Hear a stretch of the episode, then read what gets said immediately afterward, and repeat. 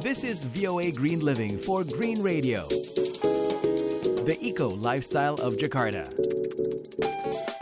Halo sahabat Green, Bendungan-bendungan PLTA di sepanjang Sungai Mekong telah mengelola air dan memasok listrik ke wilayah-wilayah mulai dari Tiongkok hingga ke ujung selatan Vietnam selama bertahun-tahun. Kini bendungan lainnya sedang dibangun di Laos dan banyak mendapat perhatian. Ni White Rockwood adalah pendiri Chiang Kong Conservation Group. because dams change everything, change ecology, change uh, bausa.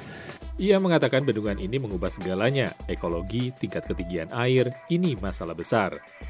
Meskipun demikian, lainnya berpendapat bahwa bendungan Don Sahong akan menciptakan pendapatan yang sangat dibutuhkan bagi Laos, serta menyediakan listrik yang juga dibutuhkan oleh Thailand dan Vietnam.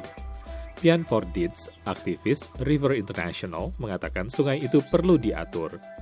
not as a like each section owned by different companies. Ia mengatakan bukan hanya setiap bagian sungai yang dimiliki oleh perusahaan yang berbeda. Puluhan juta petani dan nelayan dan kapal-kapal pengangkut bergantung pada sungai Mekong sebagai sumber pendapatan mereka.